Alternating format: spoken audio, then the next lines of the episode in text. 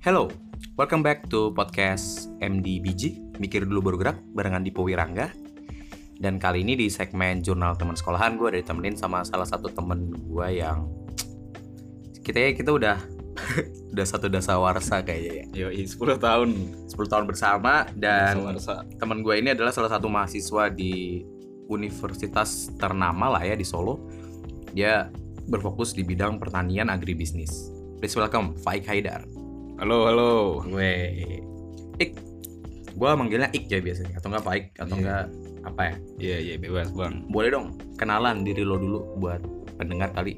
Emang gak ada yang kenal sih. Oke, jadi aku Faik Haidar, Mm-mm. dipanggil Faik biasanya sama teman-teman. Umur 22 tahun. Lagi kuliah di UNS di Solo. Oh, Udah oke. cukup itu aja ya. Itu aja. Yuk. Hmm, Nggak ada mau nambahin prestasi hidup, makanan favorit, Oh, minuman nggak usah. Itu lihat di CV saya saja ya. Oke. Sekarang lagi sibuk apa emang?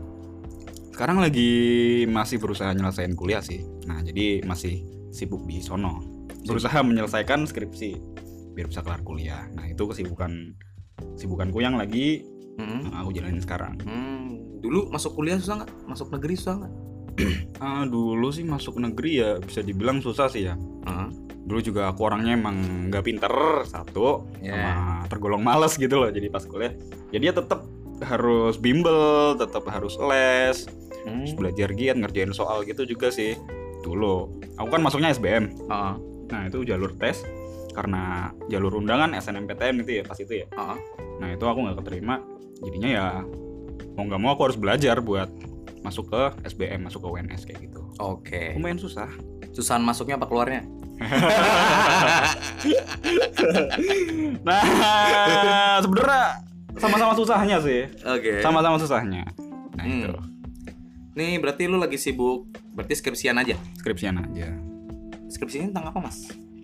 Skripsiku tentang preferensi konsumen di Kota Solo. Eh, preferensi konsumen tentang kopi di Kota Solo. Hmm. Berarti lo memang font enough ya sama kopi apa gimana? Ya, phone enough juga cukup. Ya, kalau bisa dibilang sih suka ya. Oke. Suka juga. Sukanya menjadi hobi gitu loh. Saking Oh. keterusannya jadi hobi gitu ya. Gue senang aja tuh ngelihat ya barista, ngelihat uh, orang-orang yang lagi minum kopi, terus juga suka uh, minum kopi Oke. dan berbagai macam varian kopi gitu. Gue juga suka Hmm. kayak gitu. Makanya gue pilih kopi Hmm. jadi bahan skripsi gue gitu. Oh, berarti berdasarkan hobi jadi skripsi. Gue kalau gue sih memang sih gue skripsi gue pakai hobi juga. Tapi Gitu. apa ya? Kayak lebih susah sih. Gue merasa agak susah skripsi gue gara-gara hobi ini. Kayak pisau mata dua. Gue Hmm. suka, tapi ternyata dosen itu tidak tahu sama sekali. Kayak gitu-gitu loh. Kadang-kadang susahnya. Ya juga sih kadang yang kita suka tuh belum tentu mudah gitu loh. Ngerti gak lo maksud gue? Iya. iya sih. Hah? Seneng doang, belum tentu kita pinter di dalamnya gitu loh maksud gue. Oh, Kayak gitu. biasanya yang mudah-mudah tuh tidak worth it untuk dilakukan kayak gitu. Iya iya nggak sih? Iya, Kata iya, juga benar, sih. Terus eh lu sekarang lagi skripsi tentang kopi dan eh emang lu ada cita-cita ke sana, bener-bener cita-cita ke sana. Mendengar lo ngomong ini kesukaan yang berujung jadi hobi gitu kan. Hmm. Emang lo ada cita-cita ke sana atau gimana? Kalau cita-cita sih, cita-cita sih ada ya. Hmm. Ada. Jadi gue tuh pengen membuat suatu kedai kopi gitu. Iya. Oh. Jadi semacam kedai kopi kecil ala-ala gitulah. Hmm. Nah ya karena satu gue suka sama kopi, sama dua dari hobi ini gue pengen punya usaha gitu loh. Gue pengen ada sesuatu yang dihasilkan dari hobi gue kayak gitu. Oke. Jadi ada cita-cita itu buka kedai kopi Hmm. kecil, manis gitu kan, Hmm. jualan kopi. Oh. Emang Itu cita-cita gue. lo nggak ada kepikiran untuk berada dalam gelembung yang nyaman aja? Kalau gue sih menganggap, kalau gue ya melihat hobi di zaman sekarang, misalnya lo hobi skateboard, tapi siapa sih yang mau beli papan skateboard? Banyak atau berapa sih ceruknya yang mau beli misalnya? Oh iya. Atau gue misalnya gue ngehobi untuk, eh gue kan itu ya eh, broadcast, penyiaran, ilmu komunikasi segala, segala macam ya. Kalau gue ngelihat ceruknya di sana memang banyak mungkin lowongan untuk menjadi broadcaster tapi duitnya nggak seberapa itu tergantung hoki-hokian lo jadi Gofar Hilman misalnya hoki banget kalau Iya, misalkan pergi jauh. Ah.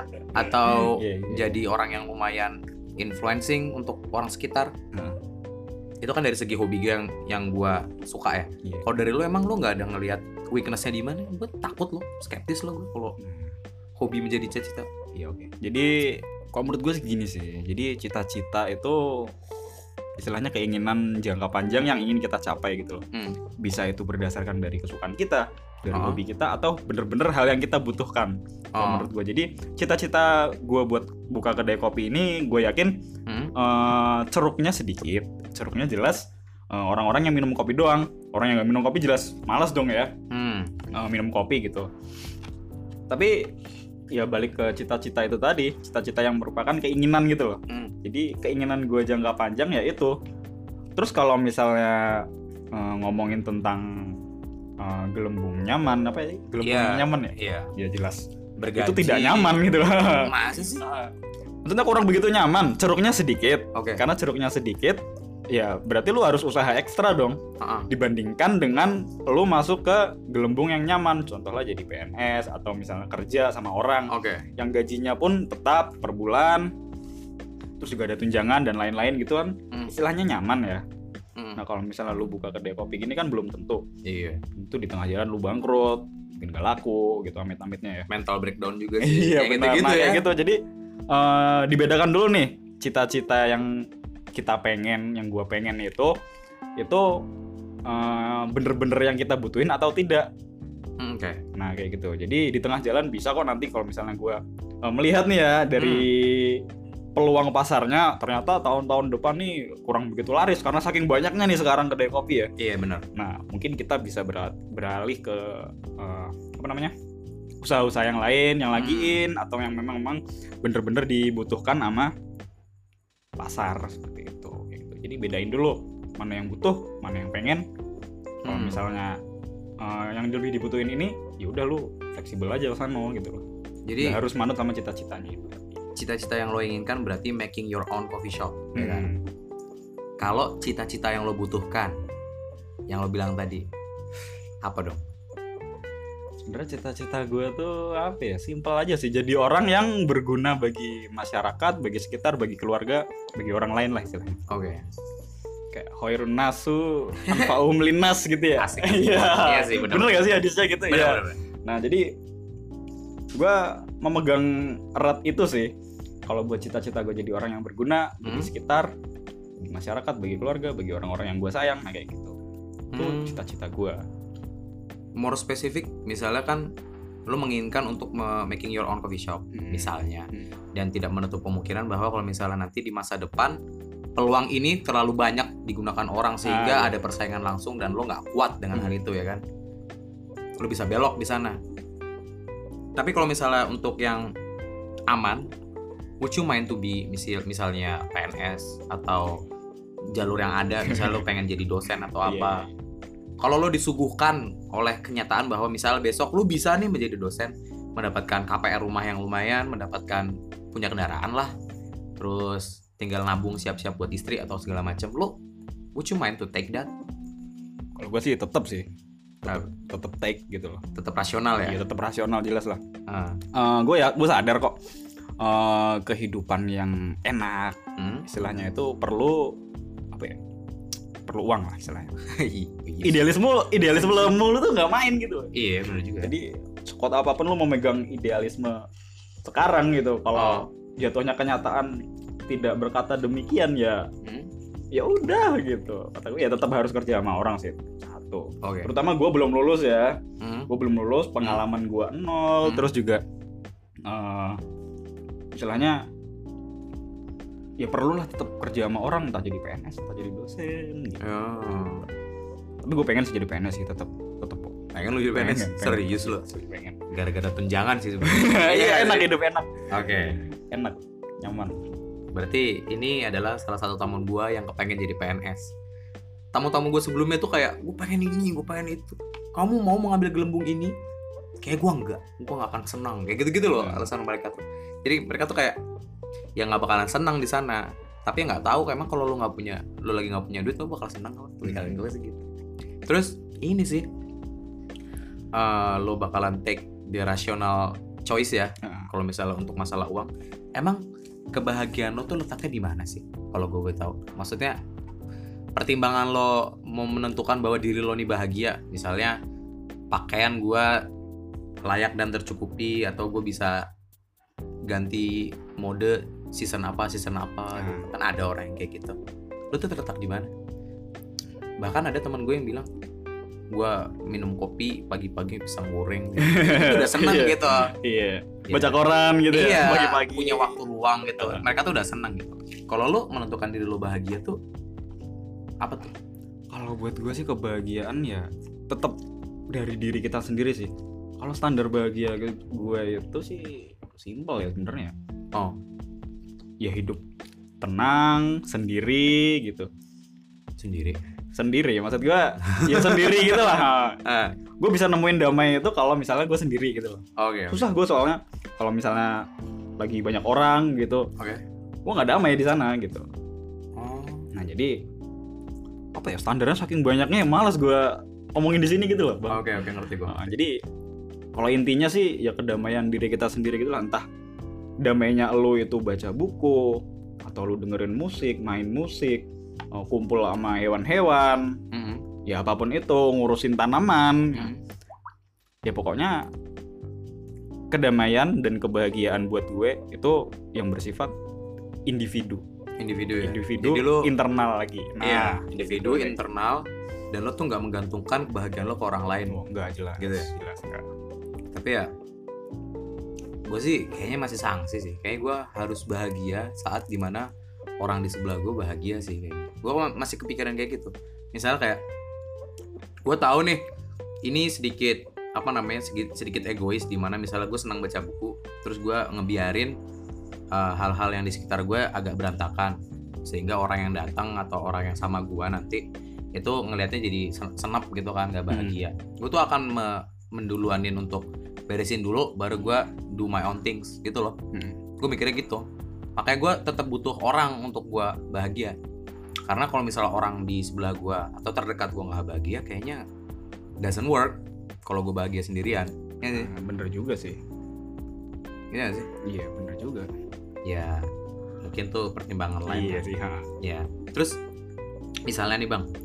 Eh eh gini lu boleh cerita dong kecil tuh gimana? Peran asuh orang tua lo peran asuh orang tua? Ah, lo kan tadi cerita nih lo menjadi individu yang apa namanya sedikit ambisius tapi bisa bengkok. Iya. Kayak rotan. Fleksibel iya nggak patah kayak kayu tapi ya bengkok kayak kayak rotan. bengkok kayak rotan Anjing, keren banget sih. Soekarno ngomongnya. Gue inget banget itu Soekarno yang ngomong. Itu Soekarno yang ngomong. bang bang. Itu bagus banget dia ngomong kayak gitu. Pas dia kalah sama Hatta kan apa namanya eh, pengaruh politiknya dia. Dia kan agak ke kiri kan dan orang-orang jadinya sanksi sama dia. Terus pas dia wawancara gitu waktu dulu waktu dia masih bebas-bebas dia ngomong kayak gitu. Paham saya itu nggak patah. Tapi bengkok seperti rotan gitu. Anjing tuh Iya. keren banget sih. Nggak ada narasi politik zaman sekarang yang sehalus itu kalau Hmm. saling nyindir kalau sekarang tuh apa ya yang penting marah-marah aja yang penting marah Terus Bahas- juga pendukungnya juga ikut marah-marah gitu loh goblok iya jadi yang marah itu bukan hmm. eh, pejabatnya bukan tokoh politiknya Hmm.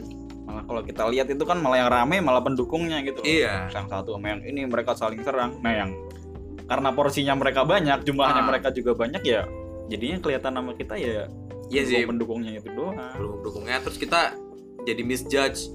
Ini Iya. orangnya begini nih, padahal Ah. itu cuman pola pendukungnya aja Oh, gitu ya. iya benar sih Udah ngomongin pilpres, ngomongin politik.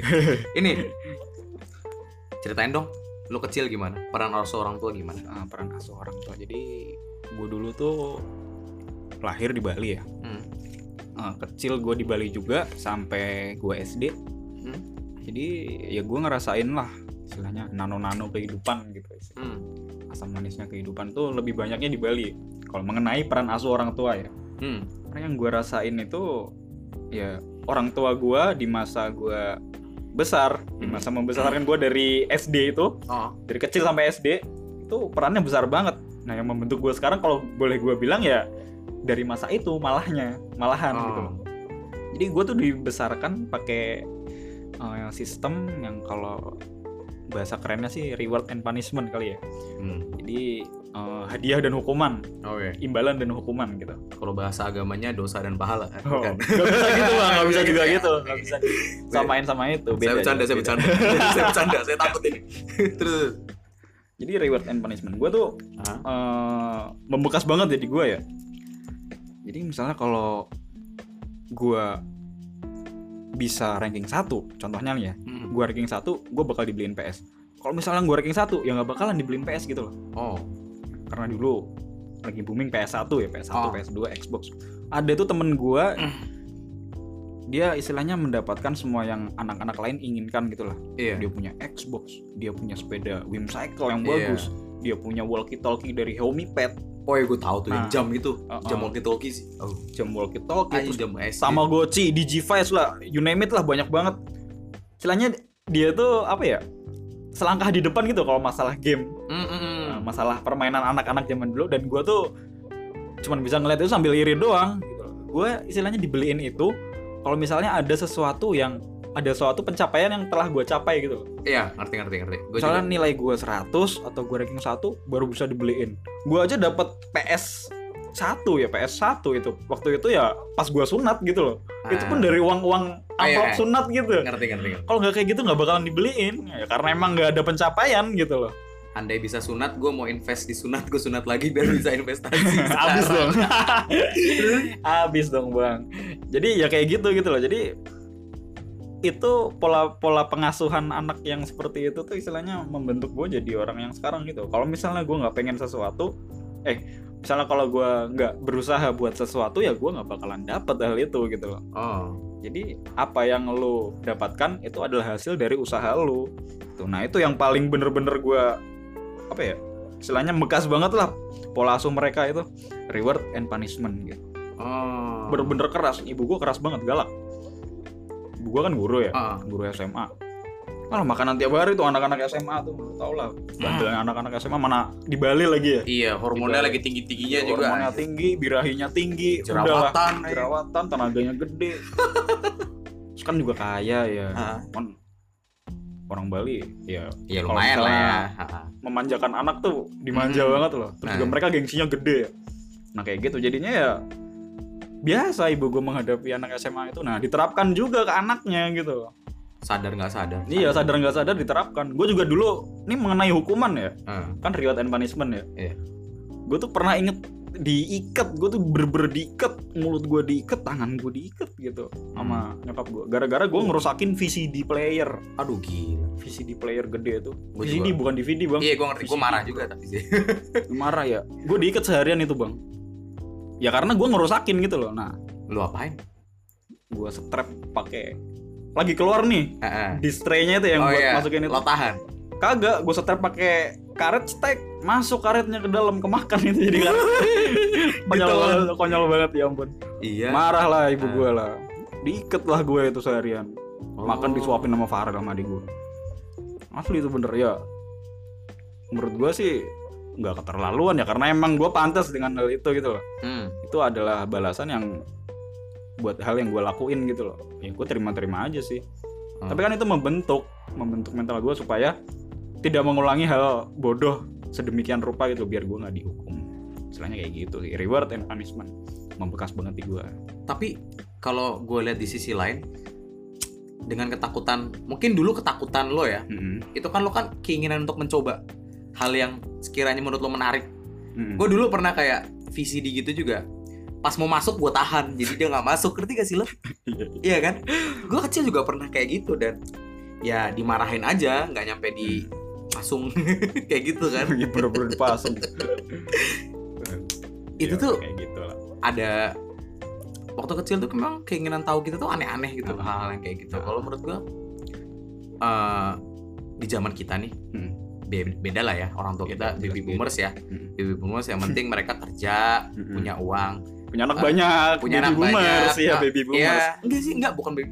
Ya, baby ngebum ya baby boomers kan dari sini Jadi enggak kakek lo yang Ah. ngebum baby, Ah. nenek lo yang ngebum baby. Iya. Jadi orang tua lo tuh generasi baby boomer. Oke, gue sembilan anaknya bang. Waduh. Dari bokap itu dari bokap, Eh. dari nyokap tujuh. Loh, banyak Ay- banget keluarga Halilintar baby boomer lah ya bisa dibikin tim sepak bola gitu loh Tapi- sebelas gini sih maksud gue apa namanya orang tua zaman dulu di penelitian apa gitu sosiologi gitu pokoknya. Eh, orang-orang tua zaman dulu menunjukkan kasih sayang itu sulit menunjukkan afeksi itu ah sulit. iya iya iya Kayak gitu kan? mereka tuh tidak biasa dengan kata-kata tidak biasa dengan sentuhan yang eh, menurut mereka. Hmm. gue juga kadang-kadang gue dulu di pola asuh yang di mana gue tahu caranya marah tahu caranya seneng tapi nggak tahu caranya ngasih sayang gitu. Hmm, ya. sampai akhirnya gue kenal itu di kuliahan. Nah, soalnya iya. gue kan di pondok juga gue mau sayang sama siapa mau cowok-cowok kan. Gitu kan. Kita sepondok bang. Iya itu kan kita mau sayang sama siapa di sana. Iya, nah di generasi baby boomers tuh kan kayak gitu. Mereka Hmm. tuh menunjukkan sayang dengan mereka kerja keras memberikan fasilitas kepada anaknya yang baik Hmm. gitu kan. Soalnya mereka dulu nggak dapat fasilitas yang bagus. Iya benar. Itu ada efek psikologinya. Jadi kita di zaman sekarang karena mengalami hal yang kayak gitu pengennya menjadi orang yang bisa mengasihi bisa sayang dan bisa menunjukkan kasih sayang yang gitu. Kalau menurut lo lo jadi orang tua nanti gimana? Apakah lo akan melakukan tindak represi yang sama kalau misalnya anak lo salah gitu? Lo salah maka lo harus terima akibatnya. Atau lo omongin sehingga dia ngerti kalau diulang baru dia direpresi? Kalau gue sih apa ya gue sampai sekarang masih mikir loh kalau pola asuh reward and punishment tadi ya yang Ah. diterapin orang tua gue ke gue Ah. itu merupakan hal yang tepat tepat tepat kalau kata gue Oh. tepat itu nggak langsung ya mendidik anak itu ya mereka berusaha untuk sesuatu yang mereka inginkan gitu loh Hmm. reward and punishment nah mungkin di sesi punishmentnya aja nih ketika anak melakukan salah ya ya punishmentnya dapat berupa hal lain lah. Jelas nggak dipasung kayak gue ya. Tuh jahat. Anak sekarang juga Iya sih. mana mau digituin Ini gitu. ya. iya. Nanti viral dong. Oh iya, viral ya ya? viral. Ketam kita bos. Nah kayak gitu. Jadi mungkin punishmentnya disesuaikan dengan zaman nanti kita kalau misalnya punya anak gitu. Misalnya? Misalnya hal yang lo bisa pikirin nanti di zaman kita tua gitu. hmm, Password wifi password wifi saya ganti. HP kamu aku umpetin. Kayak gitu kan. Anak-anak takut. Nanti mobile mobile legend kamu aku uninstall gitu. Eh, hapus akun iya aku hapus akunnya gitu sekalian. Nah, kayak gitu kan. Ya disesuaikan sama zaman punishment. Hmm. tetap tapi harus reward and punishment tetap jalan Hmm. pola pikirnya. Ya, tapi tetap disesuaikan lah kayak gitu. Eh, aplikasinya. Oke. aplikasinya disesuaikan sama zaman kita nanti gitu Gue dengerin, gue denger lo ngomong hukumannya apa berkaitan dengan teknologi ya. Hmm. Gue gak takut lo. Masa apa-apa teknologi, apa-apa teknologi nanti. Iya gak sih? oh iya sih ya gimana ya, kalau menurut gue ya Hah? teknologi sekarang tuh udah megang peran yang banyak banget gitu loh di Ah. kehidupan kita bahkan zaman sekarang aja nih 2019 ya anak kecil mana sih yang kagak main Mobile Legend anak kecil Ah. mana sih yang nggak megang HP gitu kelas 4 SD lah udah dikasih smartphone di smartphone lu bisa jadi apa aja gitu loh Ah. ya pinter-pinternya kita sebagai orang tua aja nanti gimana caranya eh, menyelaraskan iya Oh, Oke. Eh, bener sih. kemajuan teknologi sama perkembangan anak sama perilaku anak kayak gitu loh Oke. nah nggak mungkin lu ngelepasin teknologi dari anak kalau menurut gue sih Hmm. jelas nggak mungkin lu nggak mau ngasih anak lo yang kelas 4 SD HP kayak temen-temennya ya siap-siap aja anak lo kabur dari rumah gitu loh Oh iya sih. kalau menurut gue kayak gitu nggak bakal bisa kita kok makanya itu di situlah peran kita sebagai orang tua pinter-pinternya jangan kalah pinter gitu sama teknologi. Iya. nah kayak contohnya gue tadi ganti password wifi gitu. Anaknya kan jadi nggak bisa internetan. Nah apa HP-nya diumpetin kayak gitu. Disesuaiin aja ya sama perkembangan besok zaman gue tuh takut di mana ntar kalau misalnya anak gue melek teknologi banget itu Hmm. waktu dia kecil ya dia itu menjadi pribadi yang lain di internet gitu. Gue nggak tahu dia komen apa di akun Instagram siapa kayak gitu loh. Gue takut banget kayak gitu gitu Nah, kalau kata gue sih tetap nomor satu itu eh lu ngasuhnya gimana dulu gitu. Kalau misalnya Hmm. di internet itu sebenarnya baik kok. Nak gitu ya. Gue ngomong sama anak gue nih. Iya, kalau gue punya anak ya. Iya iya. Internet itu baik gitu tapi buruknya juga banyak gitu. Ah, ya jadilah dirimu sendiri di internet gitu. Oke aduh gimana ya ngomongnya ya Jadi bingung kan gue. Iya masih takut kan kita kan. kita belum bisa kepikiran ini nggak kepikiran. Iya kita belum bisa nentuin gimana nanti Iya. kita mengontrol anak. Apakah kita punya Nah. akun Instagram kedua yang follow dia gitu kan bisa aja. Atau bahkan ntar anak-anak orang iya atau enggak anak-anak yang muda nih di zaman sekarang nanti mereka bikin sosmed underground gitu kan buat anak-anak yang tidak mau Hmm. gitu. Mungkin orang tua kita kenal kan Facebook kan. Terus Hmm. kita bakalan ketar-ketir kalau misalnya ibu kita nanya cara main Facebook gimana sih? Eh cara main Instagram gimana sih? Nah, iya. Cara main Twitter gimana sih? Kita kan ketar-ketir kan Hmm. kayak gitu. Takut kita untuk menunjukkan diri kita sendiri sendiri di internet gitu kan. Gua aja kalau misalnya orang tua gak tahu kamu bikin podcast ya? Gue takut gue. Iya. gue juga takut ini denger ibu gue gitu. Nah, udah udahlah ini apa ya? Ini selalu deh ada bagian-bagian di mana kalau ngobrol sama teman gue selalu membayangkan bagaimana kita jadi orang tua ya gitu. Ayo udah tua lah kita ya. 22. Iya, ya dah. Eh, take a side about anak-anak. Hmm. Eh, lo nanti dalam memandang diri lo, parameter sukses atau kebahagiaan lo tuh apa? Misal lo punya rumah, Hmm. penghasilan tetap, itu kan gelembung ya. Mungkin lo punya hal yang lain untuk lo tunjukin. Jadi semu sih sebenarnya sih. Hmm. Keingin kebahagiaan puncak dari gue itu ya. Hmm. Itu ya gue menemukan diri gue sendiri gitu loh. Bahkan sampai sekarang dari gue hidup 22 tahun yang lalu itu gue belum menemukan diri gue sendiri istilahnya kayak gitu loh. Oh. Gue sekolah, gue dididik sama orang macem-macem istilahnya. Hmm. Gue belum bisa menemukan diri gue sendiri itu. Yang gue pengenin sebenarnya itu apa gitu. Hmm. Kenapa gue hidup di dunia ini gitu loh. Hmm. gue tuh sampai sana gitu loh mikirnya kadang ya kalau menurut gue itu juga berpengaruh sama parameter kebahagiaan parameter kesuksesan gitu loh Ah. misalnya kalau gue sekarang mikir gue bisa nih punya rumah banyak mobil mewah tapi kalau gue itu yang bukan gue cari Hmm. ya gue nggak bahagia dong gitu loh ternyata yang gue cari itu adalah diri gue sendiri gue nih siapa sih gue nih melakukan ini semua buat apa sih gue punya mobil mewah rumah banyak gini ya buat apa sih tetap nggak bakal bahagia kok kayak gitu loh menurut gue Anjir. jadi ya tetap belum gue belum nemu gue nggak bisa jawab kalau ini nih. Karena Oke. ya kayak gitu tadi Gue bahkan berat banget ya iya sih. Gue tuh bahkan sekarang memandang hidup tuh sebagai rutinitas loh. Maksud Hmm. kayak gue tuh udah di umur kedua-dua dan gue tuh udah sadar tanggung jawab tanggung jawab apa yang harus gue lakuin gitu. Nah, Orang tuh gue punya usaha Nah. gitu kan. Gue harus bikin usaha mereka establish build an empire buat anak gue nanti juga Nah, kayak iya, iya. gitu-gitu. Terus orang tua gue nggak ngerti tentang teknologi, mereka nggak tahu caranya pakai duit duit elektrik gitu atau imani. Terus orang tua gue nggak tahu caranya apa menghindari penipuan lewat email Nah. yang ngomongin invoice segala Iya. macem mama minta pulsa iya oh kalau itu enggak orang tua gue nggak goblok gitu kan Hmm. gue udah ngasih tahu kalau cari info jangan lewat blogspot jangan Hmm. lewat wordpress yang gitu-gitu kan gue udah ngasih tahu tapi penipu kan makin lihai ya iya penipu makin lihai kayak gitu terus orang tua gue juga takut apalagi untuk hal yang urusan duit kalau Hmm. masalah di internet nah usaha bokap gue aja tuh udah mulai di approach sama orang-orang teknologi gitu Hmm. Emani apa segala macam orang tua gue masih takut-takut Hmm. dan apa namanya jadinya di saat gua udah umur segini gue menganggap hidup ini tuh rutinitas gua harus tidur cukup 6 jam 8 jam bangun mandi beres-beres habis itu ke kampus bikin kayak gini bikin kayak gini mungkin pelarian gua untuk Nah. melakukan apa untuk Eh. Aktualisasi diri untuk mencari kebahagiaan. Tapi sebagian besar yang gue lakukan belanja membeli kebutuhan yang kira-kira tidak menguras kantong banget Hmm. terus tetap eh, tetap keep in touch sama orang tua gue tentang bisnis tentang kesehatan mereka bisnis mereka tuh kayaknya jadi rutinitas saja Aku takut hidup kayak jadi ya emang kayak gitulah kak kenyataannya gitu loh. Oh, ya itu rutinitas rutinitas yang harus kita lakukan ya sebagai makhluk hidup gitu. Hmm, lo kayak gitu tadi gue juga tiap hari makan gitu ya. Hmm, emang seperti itu adanya gitu loh.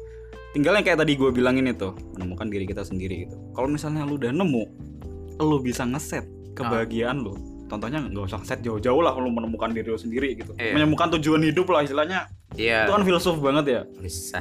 Kalau lu istilahnya ngeset kebahagiaan, ngeset parameter kesuksesan lu itu tidak tinggi, Hmm.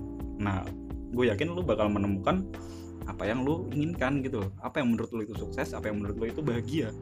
Hmm. Jadi kalau misalnya lu dengan nelpon orang tua tiap hari itu merupakan suatu kebahagiaan ya itulah kebahagiaan lu gitu loh. Orang tua lu seneng kalau lu telepon gitu loh. Oke. Gak banyak anak-anak yang nelpon orang tua mereka selain buat minta duit. Lu bahkan sempet nanyain bisnis mereka gimana, sehat kagak, kucing di rumah gimana gitu.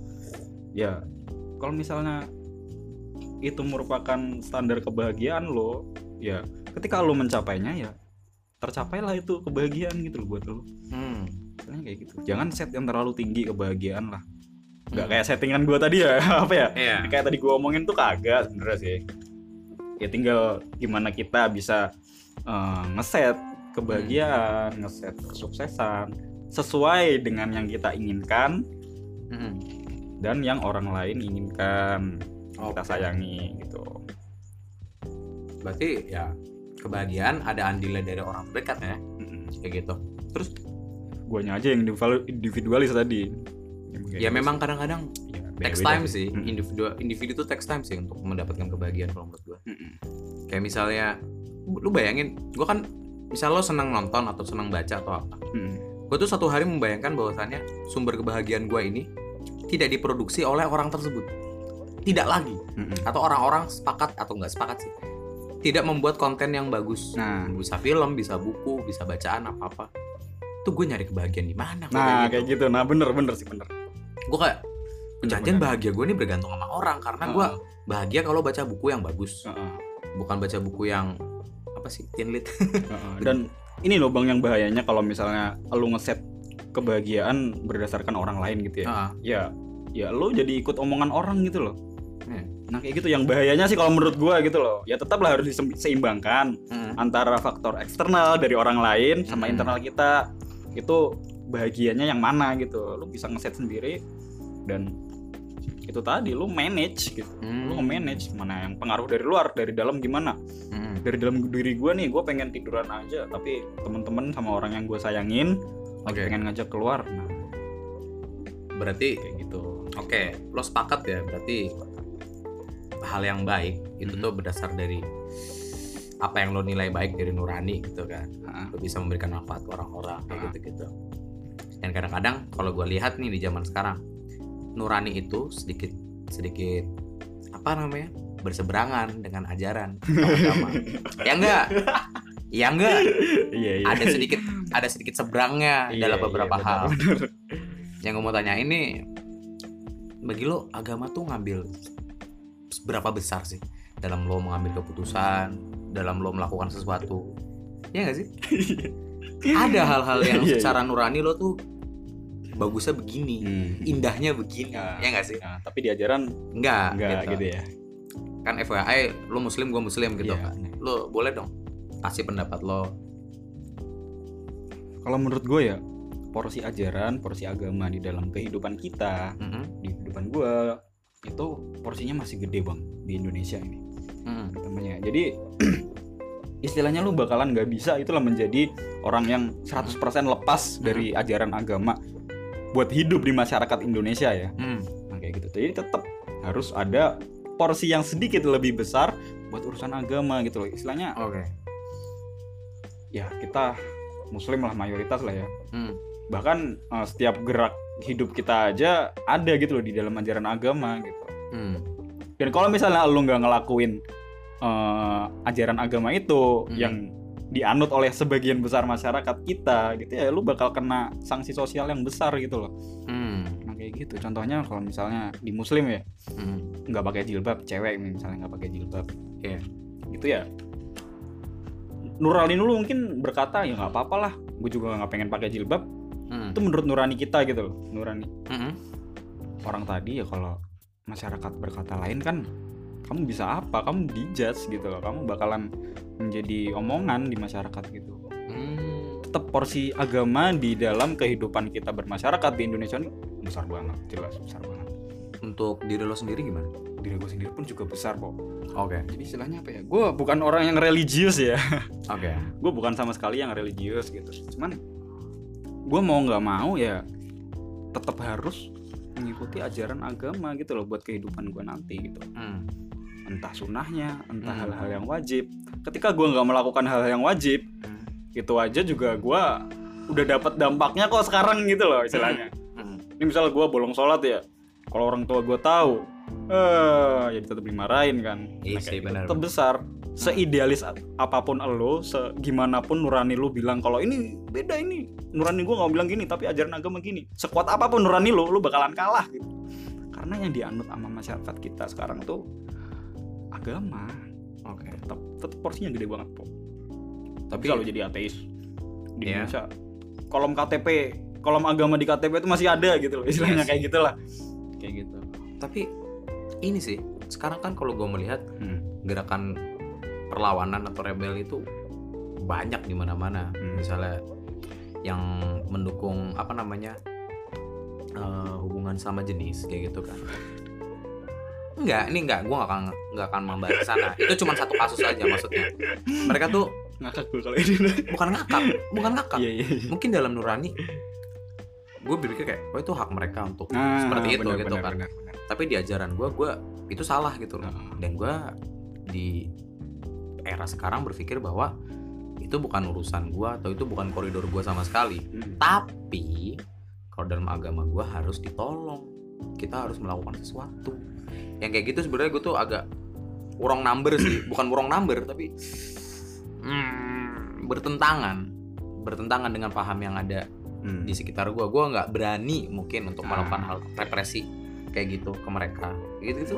gue baru-baru nih pikiran sih Hmm. soal kasus lu tadi ya Hmm. kalau misalnya ada sesuatu yang berlawanan istilahnya Hmm. sama sama nurani tapi di Hmm. agama disuruh gitu istilahnya Ah. disuruh ya dalam Ah. tanda kutip gitu ya sebenarnya ada kok banyak pendekatannya po Oh ya. jadi di agama di nurani pun gue yakinnya juga banyak pendekatan yang lebih manusiawi Hmm. istilahnya oke lah di agama itu ada namanya yang namanya hukum rajam gitu ya istilahnya untuk pelaku pelaku Oh, ya. zina kayak gitu ya gua, gua, gua, gua gak setuju. Nah, gua gitu. gak setuju. Lu kayak nggak bakal setuju, nurani kita bakal menolak gitu loh. Itu Ah. sadis.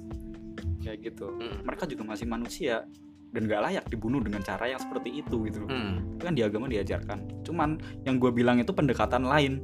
Hmm. Jadi agama mengajarkan kita untuk kasih sayang juga sama manusia, mengasihi. Hmm. Habluminanasnya juga Iya. ada kan gitu Iya. loh. Nah, kenapa lu nggak melakukan pendekatan yang lain itu, yang lebih manusiawi? Hmm. Dia juga manusia, lu juga orang yang harusnya habluminanas gitu loh. Oke.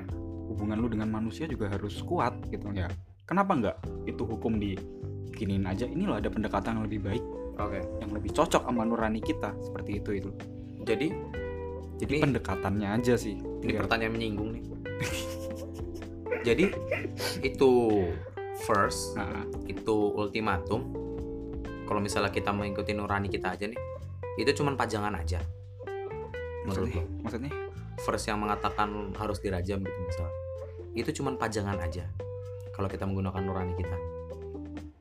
Juga sih. Berarti nggak ada gunanya dong gitu maksudnya maksud gua ada nih tulisannya tapi nggak ada gunanya. Ya yang gue bilang tadi pendekatan Iya. po gitu loh. Dekatan ya? Apa ya? Aduh jadi berat banget gini. Kalau misalnya di Arab aja lah beda. Gue ambil contoh di Arab ya. Di Hmm. Arab tuh masih ada hukum rajam gitu loh. Hmm. hukum pancung pun juga masih ada. Ya karena pendekatan yang mereka lakukan ya memang pendekatan yang istilahnya ekstrim. Dari Oke. agama itu tadi ekstrim ya tetap kalah nurani lo. Bukan berarti pajangan gitu loh. Oke tapi oke. begitu diterapkan di Indonesia jelas nggak bisa lah. Mana ada di Indonesia hukum rajam gitu loh. Oke. kalaupun ada kan jelas melanggar jelas rame jelas viral di sosmed gitu loh. Iya. Nggak bisa. Tinggal di mana kita hidup eh, pendekatan mana yang dilakukan sama negara tempat kita hidup itu ya itu yang pegang bukan berarti pajangan kayak yang lu bilang tadi. Oke, Nah, oke, kalau oke. gitu menurut gua kayaknya gua bakal ngekat bagian ini. Gak apa-apa kagak apa-apa. Ya udah. Untuk diri lo sendiri berarti besar besar. perannya. Besar. Untuk pengambilan keputusan seperti misalnya lo punya cita-cita bekerja di law firm atau di mana atau di tempat-tempat seperti itu. Gila sih besar it banget does. Ya It does porsinya besar porsinya Oh, besar. gitu jadi eh, jujur aja nih gue dilarang sama orang tua gue buat kerja di istilahnya dalam tanda petik eh, perusahaan-perusahaan yang ada ribanya gitu loh. Oke. macam bank macam asuransi kayak gitu. Mm. gue dilarang gitu loh. Pas itu aku nanya gitu. Lo ngapa bu? Emang mau pokoknya keluarga ibu ki rasa ono sing kerja neng bank ngono istilahnya. Nggak ada yang boleh kerja di bank gitu. Banyak mudorotnya istilahnya banyak Iya. minusnya banyak Oke. kelemahannya gitu.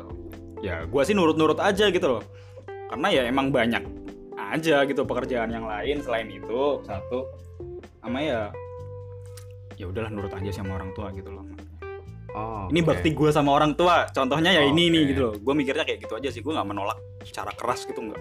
Aku pengennya di sini kok enggak gue jarang berbakti sama orang tua gitu loh. Kenapa sih nggak mengiyakan ini sebagai salah satu bakti yang paling besar gitu kalau menurut gue Hmm. kayak gitu aja sih. Oh, Oke, berarti tetap besar po porsinya po Oke. Juga tetap gede ya berarti ya. gede dong Dan ini nih masalah pasangan. Boleh lah cerita-cerita yang ideal gimana, pengennya kayak gimana.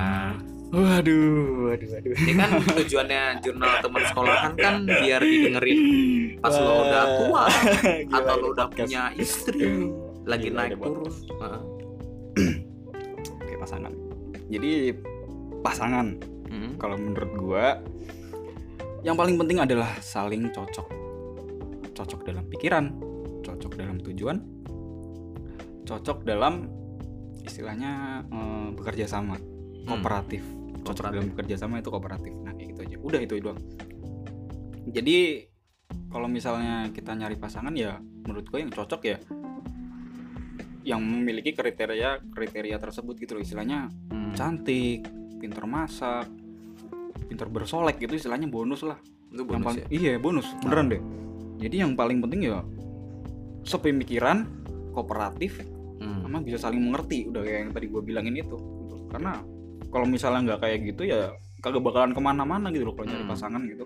Cuma cantik tapi nggak sepemikiran, nggak setujuan gitu. Kamu tujuannya A, dia tujuannya B, kagak bakal ketemu gitu Oke. meskipun dari segi cantik pinter masak pinter bersolek gitu lo dapet kalau misalnya nggak sepemikiran ya sama aja gitu. Berarti intinya satu visi, misi gitu juga. ya? satu misi satu visi Oh, oh. gitu. Tapi kan ada real dealnya tiap orang. maksudnya Real deal tuh maksudnya kayak paling enggak kalau dia sudah mencakup ini dia harus punya ini satu aja atau dua. Misalnya gue real deal itu oh iyalah gue tawarin lagi ada yang kayak pokoknya harus agamanya sama dulu baru gue ini. Iya kan? Ada yang kayak gitu. iya Atau mungkin ada orang-orang lama atau orang-orang yang dididik dengan cara lama, pokoknya harus satu ras sama gue.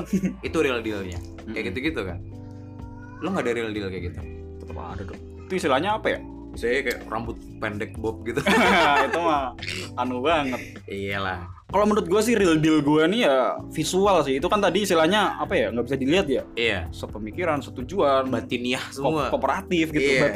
kalau ya kalau visual ya malu gue bilang ya tetap sih harus lebih pendek dari gue gue orangnya pendek gue orangnya pendek Iya, oke.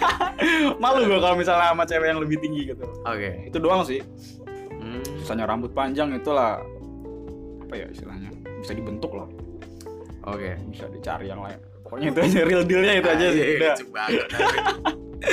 Kalau cewek denger gitu, apaan sih? apaan sih Mau rambut ngomong ini suka suka gua lah mau jadi apa gitu. Pasangan sudah merencanakan atau sudah menembak, sudah menargetkan di umur berapa harus mana? waduh ini berat juga nih jadi kalau gue sih apa ya Mhm. Eh, karena standar kebahagiaan gue yang sangat tinggi itu Oh, gitu dan iya sih. fokusnya itu ke diri gue sendiri fokusnya internal banget ya yang kayak tadi gue bilangin itu Mhm. kebahagiaan gue tuh sifatnya masih internal individu jadi ya kalau buat nyari pasangan umur umur sekarang sih gak usah dulu kali ya Oke. gue rela aja sih ya, banyak kok kesenangan kesenangan lain kesenangan duniawi Oh iya. yang belum gue capai di umur umur segini dan gue yakinnya di umur umur nanti setelahnya juga belum bisa gue capai gitu loh. Kalau misalnya energi gue habis buat di nyari pasangan nyari yang bener-bener kayak yang kayak tadi gue bilang pemikiran ini ini ini. Hmm. pakai real deal lagi cari yang pendek juga. Ya, ya bakalan lama lah gitu. Bakalan lama. Habis energi gue habis masa muda gue gitu loh. Ah. ya. Gue masih mengesampingkan gitu loh mencari pasangan yang buat gue nanti Oke. buat sekarang tuh ya buat sekarang Tapi deadline-nya gue nggak ngasih deadline sih jujur gue nggak ngasih deadline buat atau enggak gini gua. gini. eh, lo akan ketar-ketir kalau lo di umur berapa? berarti Iyalah. deadline nih Gue gua, gua misalnya kalau gue umur 30 gue akan ketar-ketir lo. hmm. Misalnya belum ada nih yang sama sekali bisa gitu hmm. dan cocok gitu, gue akan ketar-ketir lo. Gue sih mikirnya juga sama sih kayak 30 gitu 30 ya. 30 Gue juga kasihan sama ceweknya kalau misalnya 30 gitu. oh, malu lah gila Bukan malu, masalah hormon anak juga sih, nggak Hmm, baik di oh atas iya, 30 iya, iya, kan. iya, iya. Kayak gitu gue juga produksi ini ya Mm-mm. produksi cebong Iya. Terus bukan dari situnya juga. Jadi kalau pas anak lo lahir nanti hormonnya bisa nggak seimbang kalau misalnya dia lebih dari 30 Oh. baru hamil gitu loh. 30 sih kalau menurut gua sih gue ngasih deadline cuman gua akan ketar-ketir pas umur 30 tahun udah gitu Dan gue akan menerima semua rekomendasi dari ibu Iya. bapak saya. real deal gue hilangin yang tadi tadi gue bilangin ya gue hilangin gitu ya kayak gitu lah Nanti udah itu pasangan Tresno Jalaran Soko Kulino bisa nanti. lah ya. bisa. Bisa ya? bisa Oke. Terus ini apa sih lo tadi udah cerita tentang banyak hal? Pola seorang tua yang amazing menurut gue Mm-mm. uh, pandangan tentang agama yang menurut lo besar. Uh, apa namanya andilnya dalam hidup lo habis itu juga lo udah cerita apa sih tadi? Kenalan ini ini. Kopi sedikit mungkin ya. Hmm, cita-cita yang sedikit. bisa bengkok gitu kan. Orang sekarang nih mm, kalau misalnya ada hal yang bisa lo ubah di masa lalu nih gue ngeliat diri lo seperti ini sekarang. Dengan pemikiran yang seperti ini ada hal yang pengen lo ubah nggak? Sehingga lo bisa jadi lebih baik mungkin atau pengen berubah aja? Oke jadi istilahnya masa lalu ya apa yang pengen gue rubah Hmm. kalau menurut gue sih nggak ada yang gue pengen rubah di masa lalu gitu loh. Hmm. gue menganggap semua yang gue dapat sekarang itu adalah sebuah anugerah. Adalah sebuah berkah dari Tuhan gitu ya. Ah. jadi ya kalau misalnya lu nanya pertanyaan itu ya istilahnya kayak lu menyesal sama yang apa lu dapatkan sekarang gitu loh apa yang lu pengen nah ini dari gue dulu Oke, bentar oke, bentar oke. Oke. istilahnya lu kayak menyesal sama yang apa yang lu udah dapat sampai sekarang gitu loh kalau misalnya Hmm. lu nanyain apa yang pengen lu rubah di masa lalu gitu kalau Hmm. menurut gue sih enggak gue nggak ada yang pengen dirubah kok dari masa lalu gitu loh gue menganggap semuanya ini berkah sebuah anugerah gitu loh Ah. karena ya gue pernah kok berpikiran hal yang sama gitu loh seandainya gue kagak hidup sampai se ekstrim kayak gitu seandainya gue kagak masuk di UNS gitu gue bakal kayak gini kayak gini tuh enggak gitu loh. Bakal menghabiskan energi satu sama itu membentuk apa ya pikiran-pikiran jelek gitu loh. Yang berujung ke lu menyesal gitu. Lu nyesel dihidupin sama Allah sampai sekarang gitu loh. Oh. Kalau menurut gue sih itu gitu. Jadi nggak ada yang pengen gue rubah di masa lalu. Gue hidup buat masa ini masa lalu ya sudahlah. Masa depan gue belum tahu tapi bisa gue rubah kalau gue Hmm. usaha sekarang. Oh, oke. Benar kayak gitu kayak gitu anjir lah. Gue inget kata-katanya Gandhi. Waktu yang terbaik untuk menanam pohon itu kemarin. Tapi bisa juga hari ini. Yang paling baik habis itu. Anjir lah, keren banget kayak gitu. Berarti bener sih. Gue setuju sama lo. Maksud gue tuh mungkin gue punya beberapa penyesalan hal-hal ringan yang gue Ah, iya. alami. Misalnya gue akhirnya pakai kacamata kan. Nah, andai kan gue dulu waktu SMP kelas 1 kelas 2 tuh nggak baca sambil tiduran pakai Ah, center iya. ya gitu. pengen banget tuh ah mata gue rusak gara-gara ini misalnya Hmm. kayak gitu atau yang melorotin celana lo pas SD lu pukul lu nggak nangis tapi lo pukul aja ngerti gak sih lo Iya, iya. hal-hal kayak gitu sehingga Mm-mm. mungkin itu bisa efek besar ke lo gede nanti misalnya lo berani mengambil keputusan mengambil resiko yang kayak gitu itu ada di pikiran gue dulu gue cuma nangis doang pas Nah, pas dijailin temen ya, mungkin remeh tapi ya kalau misalnya gue lakukan kayaknya impactnya gede Iya, itu kan bagian dari trauma sih kalau kata gue sih. bagian dari trauma ah, karena kita nggak terima pada saat kejadian itu ya masih ke bawah sampai sekarang mungkin dendamnya. eh Nah, jadinya lu pengen istilahnya merubah kayak gitu. hmm, Cuman ya garis besarnya kayak yang tadi gue bilangin itu lah. Oke Lu menyakapi hal-hal besarnya kan hal remeh banget ya. Lu dipelorotin, gue juga pernah dipelorotin. Malu bang. ya udah nih terakhir kalau lo punya pesan nah, buat lo gede nanti lo yang di masa depan lagi naik lagi turun Hmm. mungkin lagi jadi PNS jadi dosen mungkin lagi jualan kopi ya enggak Iya. pesan apa ya misal mau lu sampein di eh, masa depan sekarang di umur lo yang dua-dua Hmm. Jadi buat gue di masa depan, Faik umur berapapun itu, ya oke ya janganlah kamu menyesali apa yang sudah terjadi gitu loh. oke Hidup adalah suatu anugerah, suatu berkah gitu. Hmm, Yang sudah berlalu ya biarkan saja. Fokuslah pada yang kamu lakukan sekarang, apa yang menurutmu baik, apa yang menurut orang lain baik, dan orang-orang yang kamu sayangi itu baik, dan terus berbuat baik. Masa depan nggak ada yang tahu, tapi bisa dirubah. Kalau Woi. kita usaha sama sampai sekarang gitu loh. Kalau lu masih bertahan sampai sekarang, kayak gitu Oke. aja. oke dah that's all That's all. Oke, thank you banget teman gue, Faik Haidar udah ngeluangin waktu buat ngobrol sama gue di Jurnal Teman Sekolahan, podcast Mikir Dulu Bergerak. Dan podcast ini bisa lo akses lewat Spotify, lewat Castbox, SoundCloud, dan berbagai macam platform eh, podcast yang lo suka, sayangan lo lah pokoknya. Dan kalau misalnya lo ada kritik dan saran, lo bisa sampein di Instagram gue atau Twitter gue di @po_alam atau di Instagram podcast ini juga ada di podcast.mdgb mdbg ya itu. Dan gue di sana ngepost tentang jurnal teman sekolahan monolog gue dan juga ada curhatan-curhatan yang gue keluarin tiap minggu. Gitu. Ya udah kalau gitu. Di Powirangga sign out.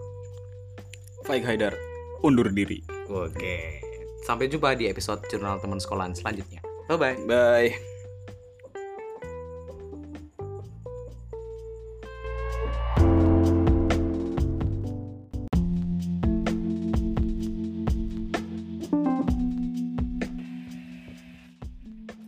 Hey.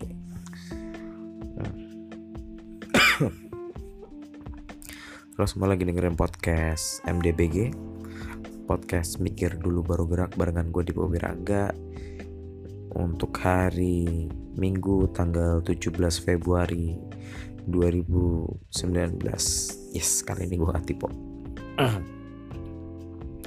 Apa kabar semuanya? Baik-baik aja kan? Gimana kabarnya semua? apakah di bulan Februari ini lo udah mendapatkan cinta yang tepat bagi dirimu atau di bulan Februari ini lo cuma menikmati diskon-diskonan yang ada di pusat perbelanjaan terdekat. Bulan-bulan di mana lo bisa beli coklat buy one get one. Gue banget. Atau ya lo bisa menikmati promo-promo di tempat makan yang beli satu gratis dua gitu atau makan berdua bayar satu dan lo ngajak teman lo yang cewek yang ya semoga jadi sih. Kalau misalnya nggak jadi pun nggak apa-apa. Gue pengen makan gratis aja. Atau pengen makan split the bill 50-50 kayak gitu. Akhirnya gue uh, uh, a lot's happen ya. Selama semingguan ini di tahun 2019 ini perputaran roda perpolitikan ini cepet banget kalau gue lihat di Twitter gitu ya. Gue merasa kayak do I have to talk about this? Kadang-kadang gue merasa perlu kadang-kadang juga enggak. Soalnya apa ya? Kemarin itu gue melihat banyaknya narasi-narasi politik yang entahlah ini cyber army cyber army dari kedua belah pihak kok bener-bener preachy banget ya. Dan baunya sangat amis menurut gue untuk mereka melakukan uh, apalah istilahnya perang hashtag apa segala macam. Dan lucunya adalah malam ini adalah malam di mana debat capres putaran kedua dan gue nggak mau nonton. Gak tahu kenapa ya rasanya. Nggak uh, tahu sih pilihan kayaknya gue tuh udah mantep untuk milih salah satu pihak tapi ya entah juga melihat ternyata ada berbagai macam kebusukan di berbagai berbagai pihak yang ada gitu kan. Dan gue merasa uh, busuk mana nih yang paling nggak bau? Busuk semua bau ya. Enggak busuk mana yang paling mendingan? Gitu sih kalau menurut gue. Dan oke okay. ngomongin tentang sosmed kemarin aja kali ya yang Twitter baru-baru rame kemarin tentang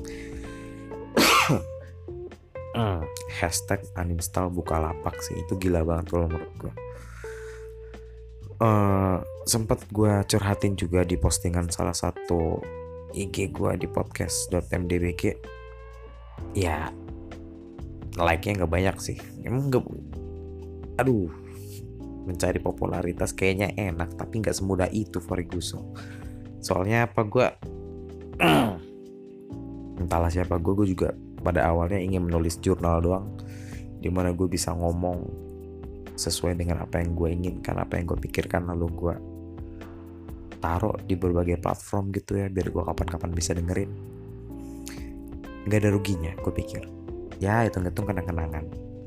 Kalau misalnya lo lihat album foto lo nggak tahu itu orang suaranya kayak gimana. Tapi kalau misalnya lo denger audio kira-kira lo tahu lah orangnya kayak gimana uh, bego-begonya mungkin bigot-bigotnya atau gimana ya. Ya mungkin gue udah kelihatan sekarang. Tapi ya nggak apa-apa it's okay. It's part of demokrasi itu ya.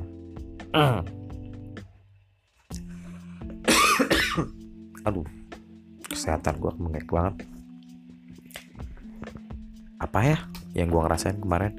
Yang prahara hashtag Anisal Bukalapak ini rasanya tuh bener-bener amis banget ya di mana ya lu tau lah Ahmad Zaki CEO Bukalapak itu nge-tweet uh, deretan negara dengan uh, masing-masing dana R&D yang yang negara atau pemerintah sediakan gitu kan.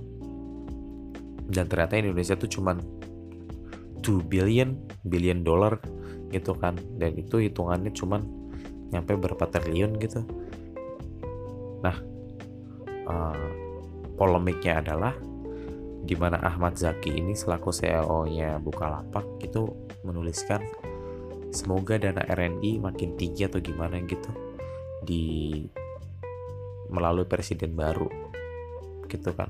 Dan ini yang bikin bener-bener kayak orang-orang tuh kepanasan gitu loh. Ya mungkin yang kubu paslon sebelah atau gimana gitu kan. Gue merasa uh, kayaknya kebebasan orang untuk memegang pendapatnya sendiri atau free speech gitu ya bener-bener dihalangi gitu loh merasanya sih. Soalnya dengan merujuk oleh kata-kata tekstual tersebut aja orang-orang sudah bisa menafikan bahwasannya dia mendukung dia. Uh, as you know lah. Terus orang-orang itu ramai-ramai memboikot uh, perusahaan e-commerce tersebut gitu loh. Dan bahkan ada di grup-grup WA keluarga dan juga di tweet di mana gue hari itu emosi ya di mana ada tweet yang menghimbau bahwasannya udah pergi ke Google Play apa di App Store habis itu lo laporkan dan lo bilang ini melecehkan atau tidak pantas atau apa nanti ditutup sama Google. Itu gila gue bilang itu gerakan-gerakan masif yang nggak pakai otak gitu loh. Di mana Bukalapak itu bisa menghidupi beberapa atau sejumlah pekerja dengan keluarga-keluarga mereka. sama sih kejadian sama Gojek. Sama Sari Roti juga itu pernah juga gue kayak gedek banget sih. Wajah-wajah PR-nya uh, agama tertentu ini jadi tercoreng karena beberapa oknum-oknum yang bilang dengan mudahnya bahwasannya ya apa namanya on kalau kalau suatu kelompok itu tidak mendukung kami maka kami akan boykot. Kayak begitu sih kalau menurut gue ini sama dengan kasus yang sari roti uninstall gojek atau juga uninstall bukalapak gitu kan. Dan yang lucu adalah di sosmed ini lo merhatiin gak sih? Di twitter sih terutama admin-admin dari tiap-tiap korporasi mau dari itu itu dari e-commerce mau itu dari layanan streaming video layanan streaming film layanan-layanan lainnya gitu kan. Mereka tuh berlomba-lomba uh, sang korporasi itu memberikan persona memberikan kepribadian kepada akun admin tersebut. Mungkin ada di antara lo lo semua yang lihat jenakanya adminnya Netflix gitu ya. Netflix Indonesia tapi ya. itu tuh bener-bener kayak mereka tuh saling menyerang dengan luwes gitu loh. Ya nggak secara norak gitu kan. Secara luwes dan lucu gitu loh. Komedi adalah uh, cara menyindir yang paling bagus kalau menurut gue siapa yang ngomong ya kayak nggak tahu deh. Ada kayaknya yang orang ngomong kayak gitu tapi habis itu juga uh, momen-momen seperti ini juga dimanfaatkan. Waktu itu uninstall Gojek gitu ya Grab itu kayak uh, separuh simpatik separuh ketawa kayak gitu kan melalui tweetnya mereka. Daripada uh, aku lebih milih Go karena kalau di Grab Grab doang uh, kasihan itunya gitu kan. Atau enggak saya mending grab dia langsung bawa ke pelaminan gitu. Itu lucu banget sih kalau menurut gue apa ya? Narasi-narasi lucu-lucuan yang saling menyindir ini kayaknya membangun korporasi secara lebih luas dan churn rate-nya kemarin tuh uh, aplikasi e-commerce sebelah melalui twitternya juga nge-tweet lucu tentang hal itu. Pakai emot doang gitu kan. Gue kayak ini lucu banget. Bisa banget dia ngemanfaatin situasi kayak gini. Emotnya nggak salah emot ngedip sebelah gitu kayak ih lucu lah kalau gue pikir. Terus dengan santainya tuh orang-orang ya gue nggak tahu sih mereka afiliasinya ke mana tapi mereka kayak mendukung mendukung mendukung mendukung mendukung sama-sama karya bang karya anak bangsa kayak gitu gitu gue sih merasa ya nanti nih bakalan ada imbas baliknya sih. Apalagi pas di YouTube gue lihat langsung uh, dua uh, dua bersaudara youtubers Indonesia ini langsung mengeluarkan video-video mengenai apa saja yang uh, Bukalapak sudah lakukan di dalam uh, dapur IT mereka sih. Melalui kampus ITB melalui lulusan-lulusannya dan segala macam ya gue tuh merasa kayaknya ini bener-bener nilai yang lebih saat misalnya ada satu uh, apa namanya uh, eh, PR krisis gitu ya dan langsung di backup oleh orang-orang yang memiliki uh, memiliki pengaruh atau influencer gitu loh. Dan langkah mereka langsung terkenal atau viral di berbagai macam platform sosial media dan eh, lo boleh cek videonya skin di Indonesian 24 sih. Gimana mereka uh, office tour dan juga bagaimana mereka melihat-lihat apa saja yang sudah dikerjakan oleh tim dari BL tersebut dan gue ngerasa bahwasannya uh, hashtag uninstall Bukalapak ini malah bukan merugikan. Kayaknya malah uh, menaikkan elektabilitas dari e-commerce tersebut gitu loh.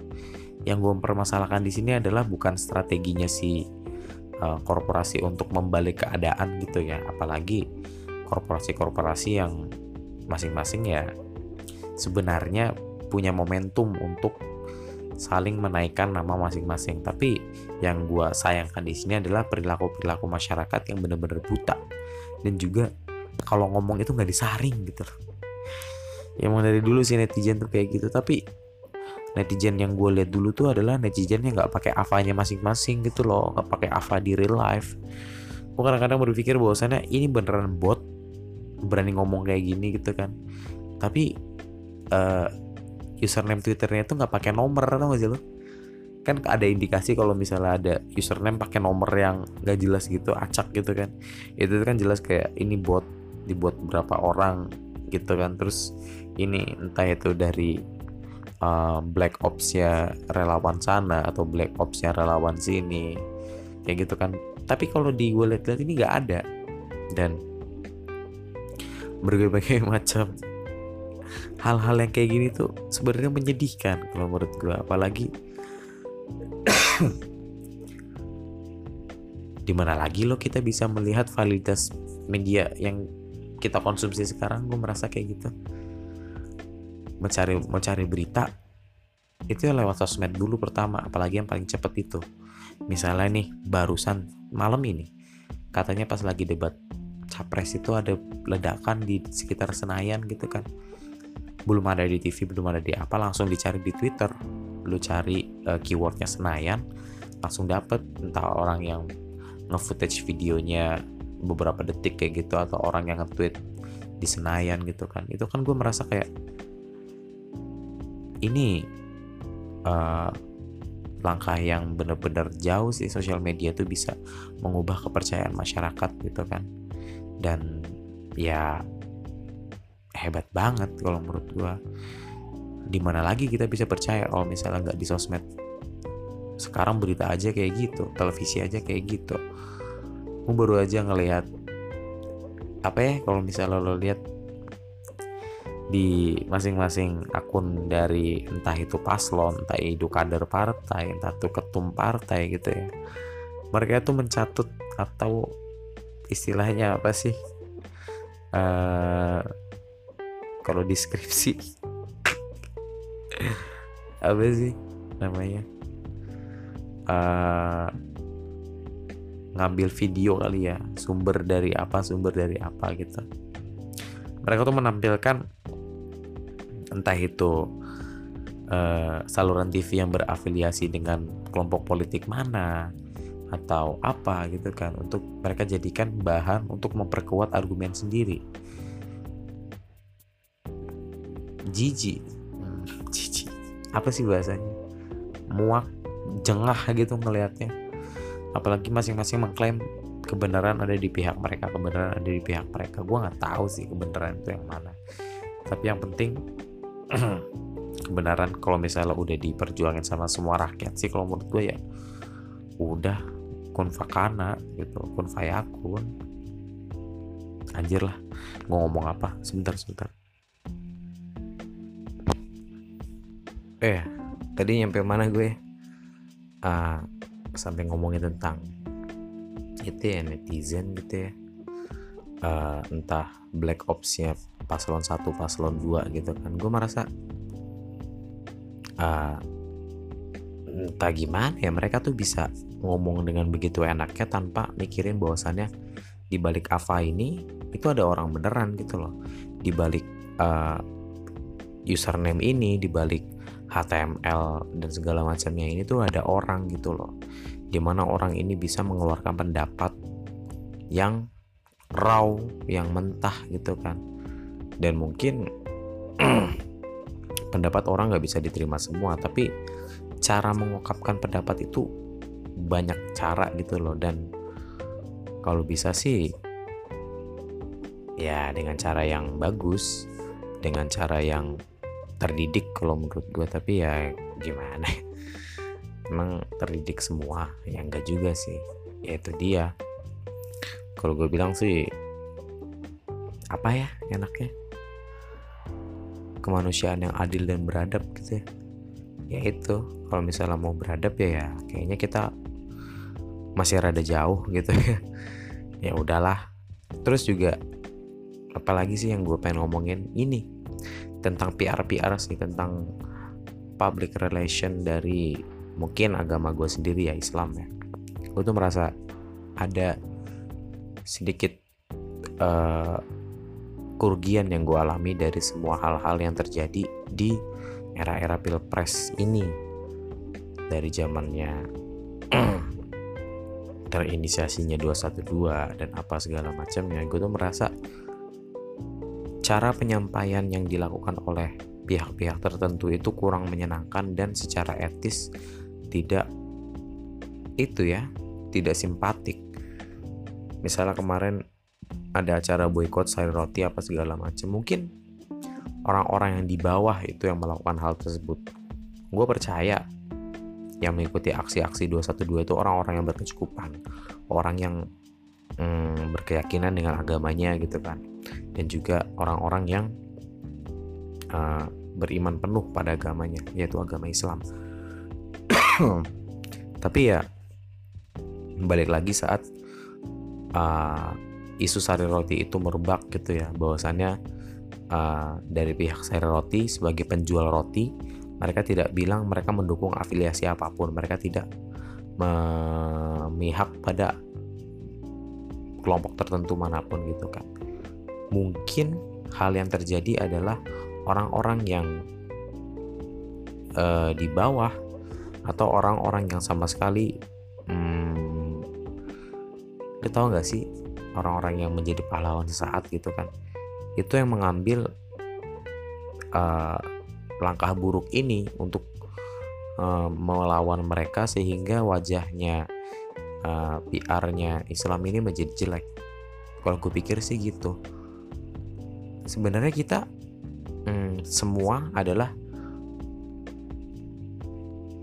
pion-pion PR itu sendiri. Uh, garda depan PR pion dari agama kita masing-masing gitu loh. Bagaimana lo bersikap bagaimana lo di masyarakat itu akan membawakan atau mengimagekan lo sebagai orang yang bagaimana mungkin terdengar picik ya tapi memang begitu masyarakat kita. Apalagi kalau melihat suatu kejelekan dilakukan oleh uh, suatu kelompok atau kaum gitu ya. Mesti kita akan mengafiliasikan bahwasannya itu orang itu itu orang itu. Mungkin gak fair bagi kita melakukan hal tersebut. Orang-orang atau teman-teman gua yang mereka sudah mulai berpikir yang uh, libertarian mungkin. Lebih ke arah situ. Mereka menganggap itu tetap apa namanya itu nggak benar juga. Bahwasannya lo nggak bisa menilai orang melalui agama mereka atau lo nggak bisa menilai suatu agama karena orang-orangnya kayak gitu. Itu orang-orang yang adil sih menurut gue kalau misalnya kayak gitu ya gue berharap sih Indonesia semakin pinter lah ya untuk memilih yang kira-kira siapa yang menurut masing-masing orang itu pas untuk dipilih untuk mereka. Kalau misalnya lo pas orang lain enggak ya udah nggak usah gitu. Mengedukasi pun gak usah ngegas. Soalnya lo tuh cuman pengen tahu apa yang lo tahu gitu loh. Atau enggak lo cuma disuguhin informasi-informasi yang lo pengen tahu sehingga kebenaran versi lo tuh jadi absolut gitu kan. Aduh ngomong apa sih gue? Itu sih yang gue rasain makanya dari sekarang ini tuh gue mikir adalah bagaimana cara menjadi manusia yang baik. Secara nurani gitu ya. Aduh terdengar pengecut sih terdengar tengah banget sih. Tapi ya mau gimana hidup tuh seperti ini? Ada rasa di mana gue harus mengambil jalan tengah gitu loh. Di mana keluarga gue ada yang A ada yang B gitu kan. Kamu apa? Aku belum tahu. Dua-duanya sama-sama bagus. Tapi uh, mana yang jeleknya paling dikit itu yang gue pilih itu aja pak jawabannya. Dan jeleknya bagi-bagi orang itu tidak tidak tidak sama loh ya. Ada yang mementingkan sektor ekonomi ada yang mementingin sektor sosial politik dan segala macamnya. Ada yang mementingin tentang budaya ada yang mementingkan mementingkan tentang faktor keagamaan apa segala macam. Itu bebas. Bagi-bagi orang bagi semua orang memiliki kepentingan masing-masing itu bebas asalkan tidak memaksakan kepentingan ke orang lain itu aja sih kalau menurut gua. Ya entahlah. Mau golput silakan mau milih silakan mau salah-salah juga silakan. Tapi ya tolong tidak menghasut itu aja sih kalau menurut gua. Dan hmm, ya cukup. Obrolan gue yang sedikit ngalor ngidul ini maaf soalnya gue juga lagi kurang fit di minggu ini kayak gue nggak fit mulu deh maaf ya. Dan juga buat teman-teman semua yang udah dengerin podcast mikir dulu baru gerak thank you banget. Kayaknya pikiran gue udah berkutat di situ-situ aja deh. Soalnya nggak ada yang hal-hal yang baru yang gue rasain di tahun 2019 ini. Masih muda padahal masih 22 ya. Dan podcast MDBG bisa lo dengerin via podcast uh, Castbox, Spotify, Apple Podcast dan lain-lainnya dan lo bisa kritik dan saran ke gue di Instagram po underscore alam atau di Twitter juga di po underscore alam atau juga boleh di IG-nya podcast MDBG sendiri di podcast.mdbg. Oke, di Power nggak cabut. Uh, see you in the next episode. Uh, stay safe, keep your health, and Ya, bye-bye.